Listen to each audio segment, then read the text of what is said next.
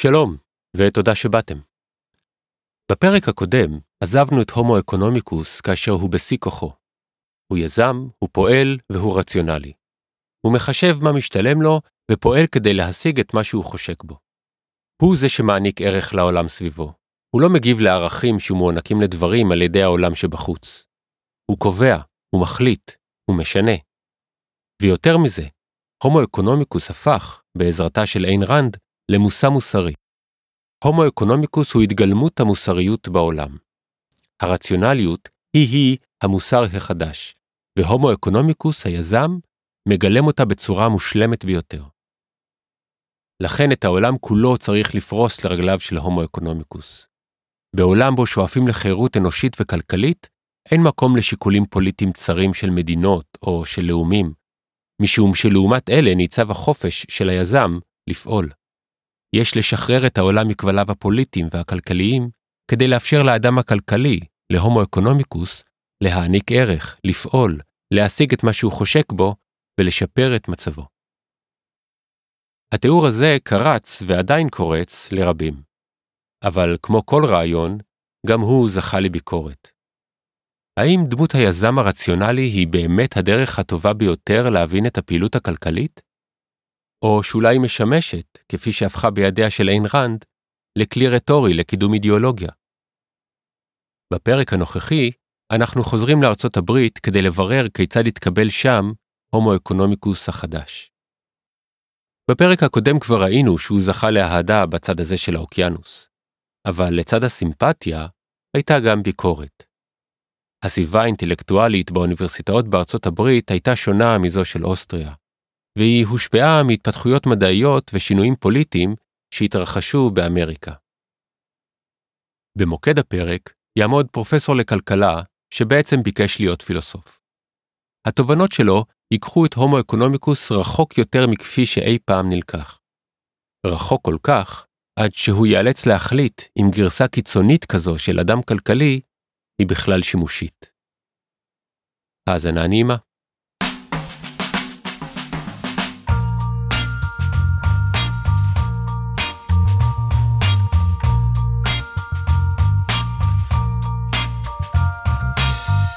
תולדות המין הכלכלי, פרק חמישי, עד התהום, עד הקצה, חלק א'.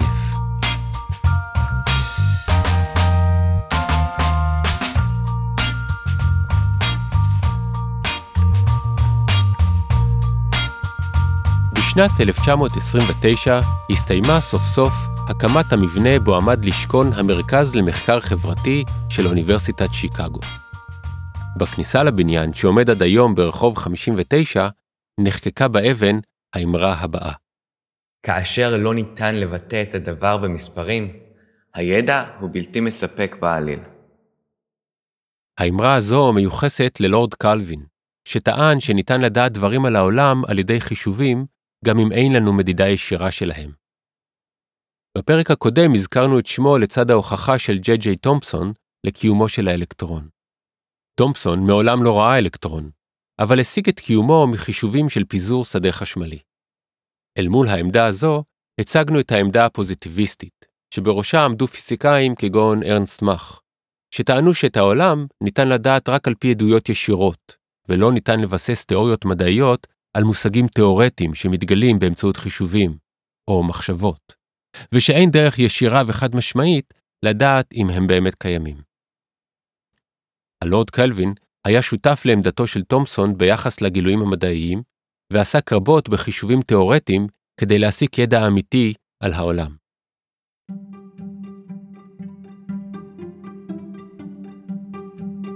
באמצעות נתונים רבים שאסף, ובעזרת חוקי התרמודינמיקה, הוא הגיע לשתי מסקנות חשובות. האחת היא החישוב התאורטי של האפס המוחלט, הטמפרטורה הנמוכה ביותר האפשרית. השנייה הייתה גילו של כדור הארץ. החישוב השני היה שנוי במחלוקת במיוחד, משום שרבים מהגיאולוגים והתיאולוגים בימיו של קלווין האמינו שכדור הארץ, או היקום בכלל, היה קיים מאז ומתמיד, ולא ניתן ואפילו אין משמעות לנסות ולחשב את הגיל שלו. קלווין טען אחרת. הוא הניח שכדור הארץ החל את ימיו כגוש מסה רותחת, ומאז הוא מאבד את חומו באופן קבוע. באמצעות נתונים על הטמפרטורה הנוכחית וחישובים טרמודינמיים, הוא הגיע למסקנה לגבי גילו האפשרי של העולם. הוא טעה, ובגדול. אבל עמדתו, על פי הידע נצבר מנתונים וחישובים, הייתה פורצת דרך, והובילה לכמה מהגילויים המדעיים החשובים של המאה ה-20. עד כאן הלורד קלווין. כעת, בנוגע לבניין החדש של המרכז למחקר חברתי בשיקגו. מדוע מתנוססת עליו אמרה של מדען שחקר תופעות ביולוגיות ופיזיקליות? כיצד דברים שאמר מי שעסק בטרמודינמיקה, במספרים ובחישובים, מהווים מוטו למחקר במדעי החברה? ובכלל, מדוע הטענה שדבר שלא ניתן במספרים לא ניתן לדעת, חשובה כל כך למחקר חברתי? הסיבה לכך מפתיעה. בקצרה נאמר שהתפיסה הרווחת, לפיה מדעי החברה מנסים לחקות או לאמץ שיטות מחקר ממדעי הטבע, אינה תמיד מדויקת. במקרה הזה, לדוגמה, הקשר פעל דווקא בכיוון ההפוך.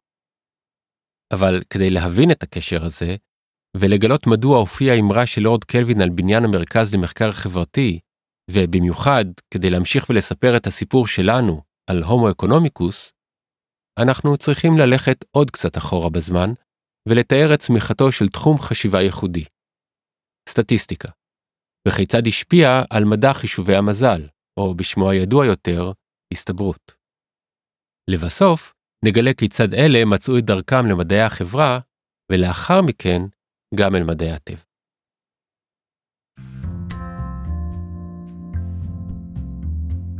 איסוף נתונים לטובת ניהול הממלכה לא היה עניין חדש במאה ה-18.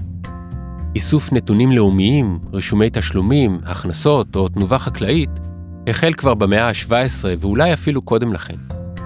מלכים שביקשו להעריך את עוצמתם ואת היכולת שלהם לשרוד משברים או לנצח במלחמות, אספו נתונים כדי להעריך את חוסנם הכלכלי. אבל הסיפור הזה מקבל תפנית מעניינת במהלך המאה ה-19.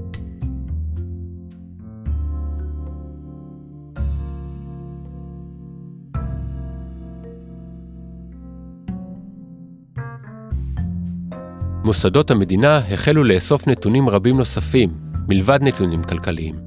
מספר הלידות והמיטות, מספר מקרי פשע או התאבדויות, מספר החולים שחלו במחלות שונות, רישומי אוכלוסין, כל אלה מתחילים להופיע בספריהם של הפקידים ומשמשים לניהול טוב ויעיל יותר. הנה דוגמה. בשנת 1840 נערך באנגליה סקר בריאות מקיף, בעקבות התפרצות מחלות שונות ודיווחים על מצב בריאותם הירוד של אלפי הפועלים שהתקבצו בשולי הערים הגדולות. הנתונים שנאספו מכל רחבי בריטניה הובילו לחקיקת חוק בריאות הציבור ולהקמתן של מערכות חדישות לניהול שפכים בערים. אבל לא רק ניהול. ריבוי הנתונים והפרסום שזכו לו עוררו את סקרנותם של אינטלקטואלים וחוקרים, שעד סוף המאה כבר יכנו את עצמם סוציולוגים. הם לקחו את הנתונים המספריים הללו, ובאמצעות נוסחאות שפיתחו והנחות כמו חוק המספרים הגדולים, ניסו לזהות תופעות חברתיות. ההנחה שהובילה את הסוציולוגים הראשונים הייתה שהמספרים המתארים את החברה כולה יכולים לגלות לנו דברים שאיננו רואים כאשר אנחנו מסתכלים על האדם הבודד. התבוננות בחברה כמכלול, כמצבור של יחידים, מעניקה תובנות מעניינות שמאפשרות לנהל את החברה טוב יותר. האינטלקטואלים פורצי הדרך האלה היו הראשונים שזיהו באוסף המספרים והנתונים היבשים עולם של תופעות, של מגמות ואפילו חוקים. היה זה עולם נסתר מן העין, שניתן לגלות אותו רק תוך התבוננות באמצעות הנוסחאות הנכונות. וכך, החלו הסוציולוגים הראשונים לחקור ולבחון תופעות חברתיות. אחת התגליות הראשונות שלהם הייתה המחזוריות שגילו התופעות הללו. כפי שכתבה מדאם דסטל ב-1796. כאשר אוסף של אנשים מורכב ממספר ידוע של בני אדם מסוגים שונים, ניתן לזהות בו תוצאה אחידה למדי. שכן יש לשים לב שבמקרים הנתונים להשפעתם של אירועים אקראיים, ניתן, כאשר מספר האפשרויות רב מאוד, לחשב את התוצאה. לדוגמה, נמצא שמספר מקרי הגירושין במחוז ברן בעשור אחד דומה מאוד לזה שלפניו, וכי ישנן ערים באיטליה בהן ניתן לחשב במדויק את מספר מקרי הרצח הצפויים בשנה הבאה. לפיכך, באירועים התלויים במספר רב של צירופים שונים, ניתן לזהות הישנות מחזורית, יחס קבוע, כאשר התצפיות נובעות ממספר רב של אירועים אקראיים. הנתונים הרבים שמתחילים להצטבר מראים באופן מפתיע למדי שניתן למצוא חוקיות בתמונה החברתית הכוללת. מספר מקרי הפשע, ההתאבדויות, שיעורי הילודה או התמותה ממחלות מסוימות, כל אלה מציגים תבנית מחזורית לאורך השנים. והמחזוריות הזו מזכירה את המחזוריות שבתנועתם של הכוכבים. בין הפלנטות פועלים חוקי משיכה, והם אלה אשר מניעים אותן בצורה המעגלית המאפיינת אותם. מכך מסיקים הסוציולוגים שגם בחברה פועלים כוחות דומים. כוחות שהם ממשיים ממש כמו כוח המשיכה, אבל גם ייחודיים לכל חברה וחברה. ומן המסקנה המרעישה הזו, לפיה בתוך מספרים אפשר לזהות כוחות מסתוריים, עולה מסקנה מרחיקת לכת אפילו יותר. אם את החוקיות שבתנועת הכוכבים ניתן לתאר באמצעות נוסחאות מתמטיות, וכך לנבא את מיקומם של הכוכבים בשמיים, הרי שגם את הדינמיקה שמאפיינת תופעות חברתיות ניתן לתאר באמצעות נוסחאות מתמטיות, ובאופן דומה, גם אותן אפשר לנבא. המחזוריות המפתיעה מרמזת שהחוקים החברתיים גוברים בעוצמתם על הנטיות האישיות של היחידים שמרכיבים את החברה. החוקים אינם מתארים פעולה או התנהגות של אדם בודד, אלא באים לידי ביטוי בתנועה או בהתנהגות של ציבורים גדולים, ולפעמים של החברה כולה. לא צריך לדעת את הפרטים המדויקים המאפיינים של כל איש ואישה כדי לצייר תמונה כללית של החברה ולזהות בה תופעות ייחודיות. וגם אם נראה שבאופן כזה אנחנו מתרחקים מהיכולת שלנו להבין את האדם, החוקיות החברתית דווקא מקרבת אותנו למטרה הזו. חישובים וניתוחים סטטיסטיים מתחילים לתפוס מקום מרכזי וחשוב בניסיונם של אינטלקטואלים אירופאים להבין את המין האנושי ואת אופני ההתארגנות שלו במסגרת החברתית. ב-1844 ביטא זאת האינטלקטואל הסקוטי רוברט צ'יימברס כך: האדם הוא תעלומה רק כיחיד, כציבור הוא חידה מתמטי. החוקיות שמדעני החברה מצליחים לחלץ מתוך אוסף הנתונים המספריים שבידם, מעוררת התעניינות בקרב חוקרים מתחומי מדעי הטבע. הפיזיקאי ג'יימס מקסוול, למשל, מיישם חישובים סטטיסטיים במחקרו על התנועה הקינטית של חקיקי גז. פיזיקאי אחר, לודוויג בולצמן, מתאר בעזרתם את החוק השני של התרמודינמיקה. הביולוג פרנסיס גלטון, בן דודו של צ'ארלס דרווין, מוצא חוקיות סטטיסטית בתהליך התורשה של מינים ביולוגיים. וכך, נוסחאות סטטיסטיות שמקורן בנתונים מהעולם האנושי, מתגלות כיעילות גם בעולם הביולוגי והפיזיקלי.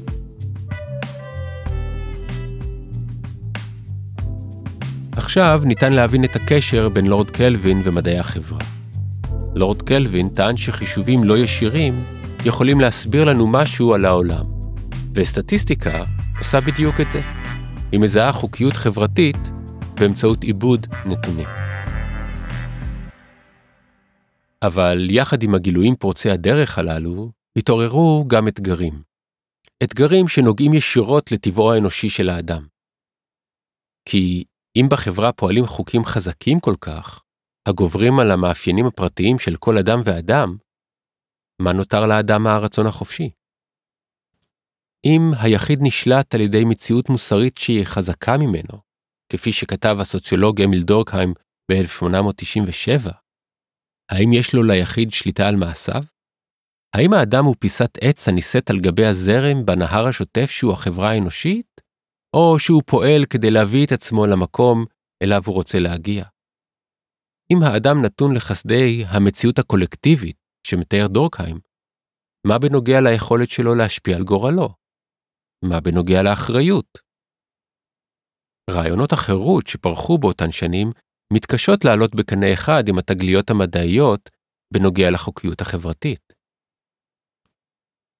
מזל שהמציאות לא תמיד מתנהגת לפי הציפיות של המדענים.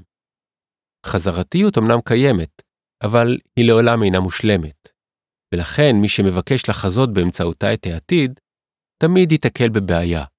קחו למשל את תחזית מזג האוויר הבאה, משנת 1869.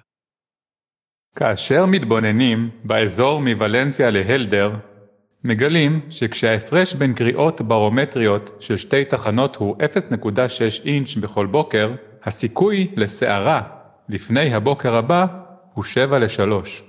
מצד שני, גם כשהפער בין התצפיות אינו 0.6 אינץ', קיים סיכוי של 9 ל-1 שלא תהיה סערה. זאת, אם הקריאות הברומטריות לא הראו סימנים ברורים לכך שהיא מתקרבת. גם כאשר יש נתונים ברורים על העבר, לא ניתן לדעת בוודאות מה יקרה מחר. מה שאפשר לעשות הוא לחשב את הסיכוי למה שיקרה מחר. או במילים אחרות, הנתונים הרבים מאפשרים לנו לחשב את ההסתברות שאירוע כזה או אחר יקרו.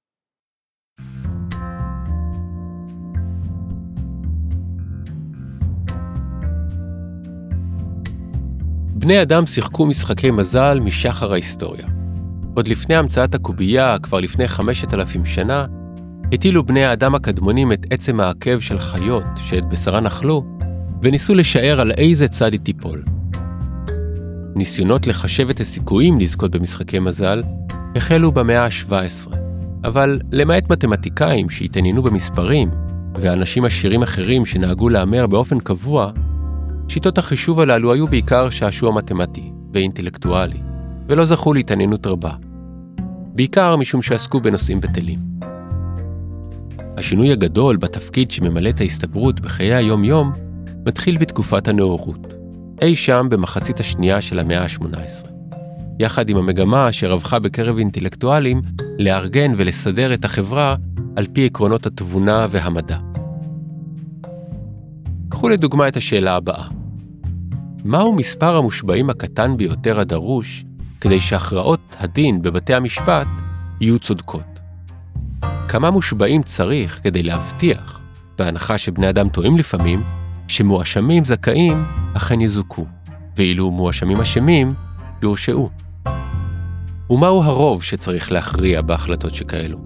האם רוב פשוט יספיק, או שאולי צריך להבטיח יחס מסוים בין תומכים ומתנגדים? הנה קטע מדיון שהתקיים בפרלמנט הצרפתי בפריז ב-14 באוגוסט 1835.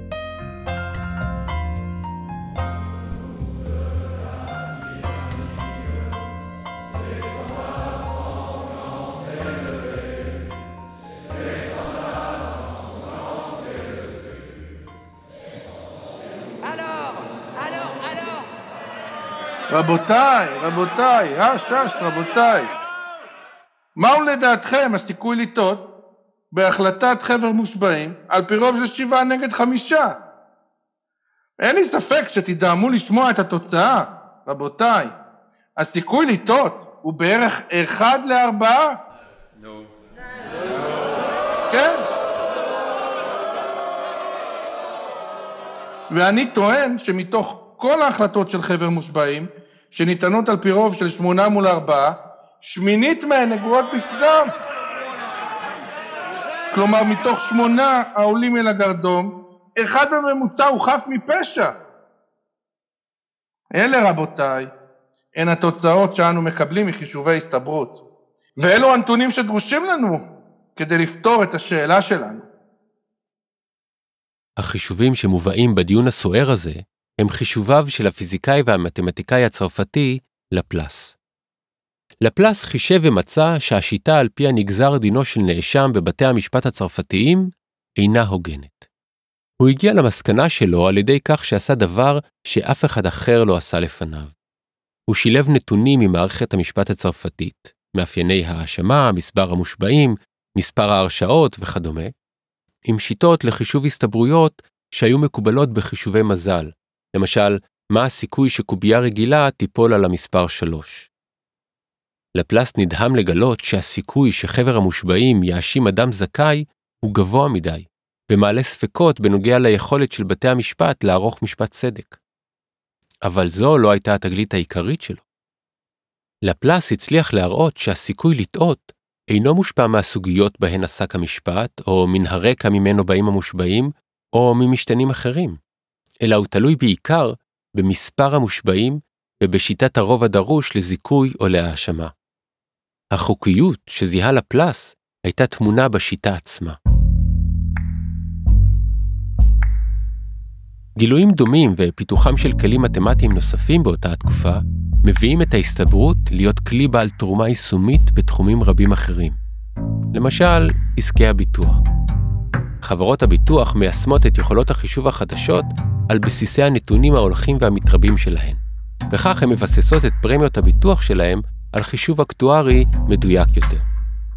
היכולת להבדיל בין הסיכוי של אדם למות מזיהום לעומת הסיכוי שלו שלא לשוב ממסע בספינת סוחר, מאפשרת לחברות הללו לנהל את הסיכונים הפיננסיים שלהן טוב יותר, ולהביא לרווחים גבוהים יותר. בכך משתלבת תורת ההסתברות באופן טבעי עם הנתונים ההולכים ומתרבים על כל תחומי החיים.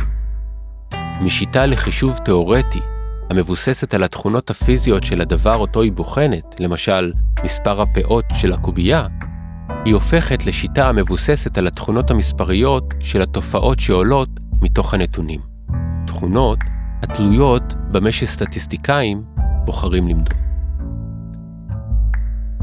במהלך המחצית השנייה של המאה ה-19 הולך השימוש בהסתברות ומתרחב כמעט לכל תחום דעת שניתן לחשוב עליו. היא הופכת לדבר החם הבא במדעי החברה, ובעקבות כך, גם במדעי הטבע. תורת ההסתברות הופכת לאימפריה המתודולוגית החדשה, ומשתלטת על הענפים המדעיים כולם.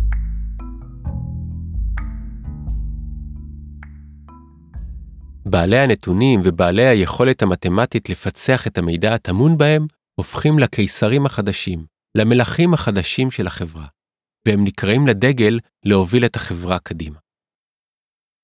אבל לפני שנראה כיצד שליטי החברה החדשים מממשים את הכוח הזה כדי להשתלט על העולם, נחזור לגיבור הסיפור שלנו, להומו אקונומיקוס, ונברר כיצד השינויים שתיארנו עד עכשיו משפיעים עליו.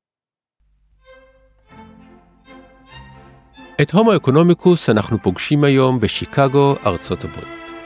הוא הגיע לכאן מאוסטריה, יזם רציונלי ונמרץ, הפועל ללא לאות לשפר את מצבו בסביבה של משאבים מוגבלים.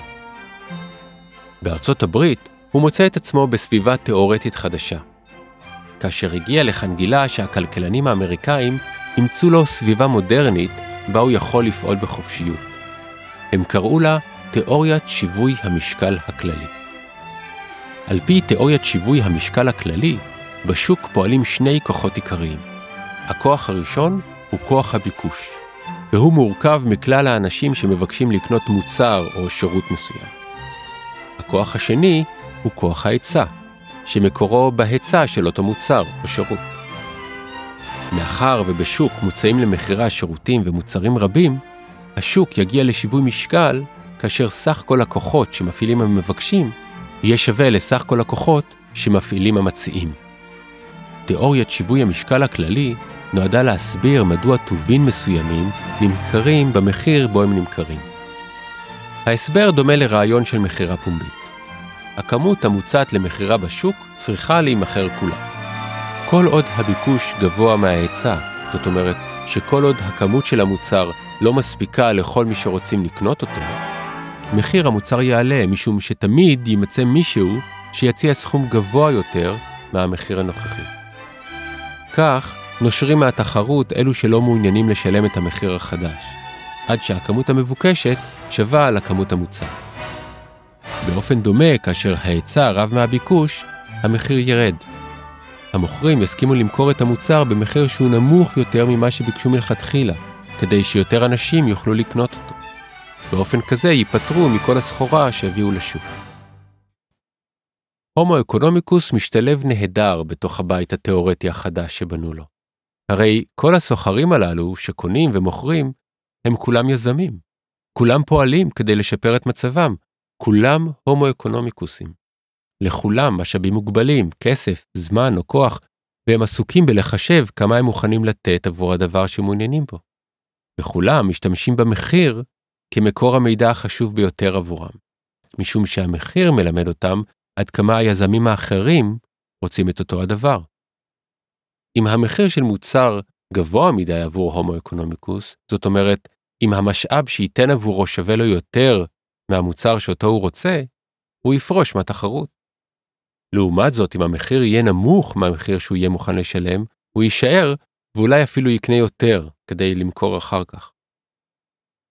אותו המנגנון פועל גם כאשר הומו אקונומיקוס הוא בצד המוכר. כל עוד הביקוש גבוה מההיצע, והמחיר גבוה מהמחיר הצפוי בשיווי משקל, להומו אקונומיקוס היזם משתלם למכור. המחיר הגבוה מסמן לו, כמו מד רווח בלוח שעונים, שכאן מסתמנת הזדמנות עסקית. ובעצם אין הבדל בין שני המקרים. בכל אירוע של קנייה ומכירה, כל אחד מהצדדים הוא גם יזם המוכר ביוקר וגם יזם הקונה בזול. כל אחד נותן דבר מה תמורת דבר אחר.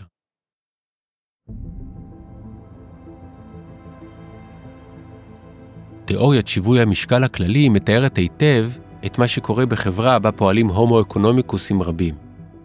כמו הסטטיסטיקה, שמזהה חוקים חברתיים שהם חזקים יותר מההחלטות של כל יחיד ויחיד, כך גם תיאוריית שיווי המשקל מזהה את הנטייה הכללית של השוק להתייצב בנקודה אחת, ללא תלות במה שעושה כל אדם פרטי. וגם אם ישנם אנשים שמקבלים החלטות לא נכונות או לא מדויקות, כולם נתונים לחסדיהם של כוחות הביקוש וההיצע, ומחירי השוק יגיעו תמיד לנקודת שיווי המשקל שלהם. הומו אקונומיקוס, האדם הכלכלי, בביתו החדש והמסודר להפליא, מפליג לעתיד כלכלי מבטיח, כשהוא מוקף בסביבה בטוחה וידועה מראש של תיאוריית שיווי המשקל הכללי.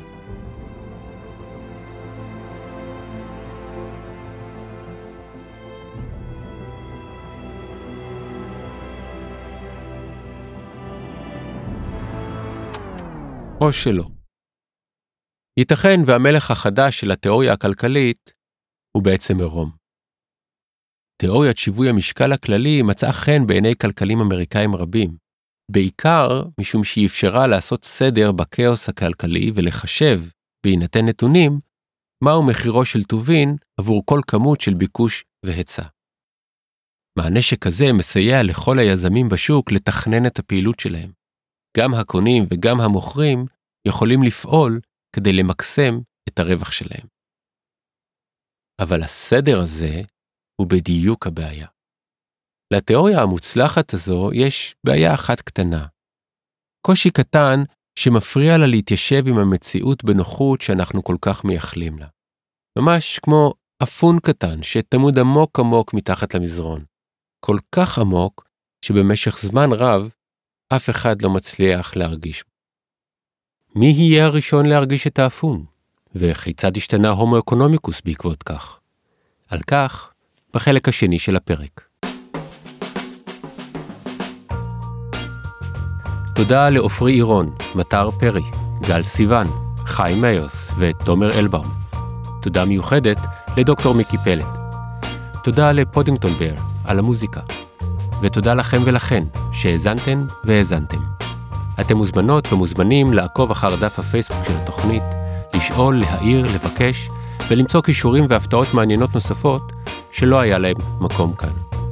להשתמע.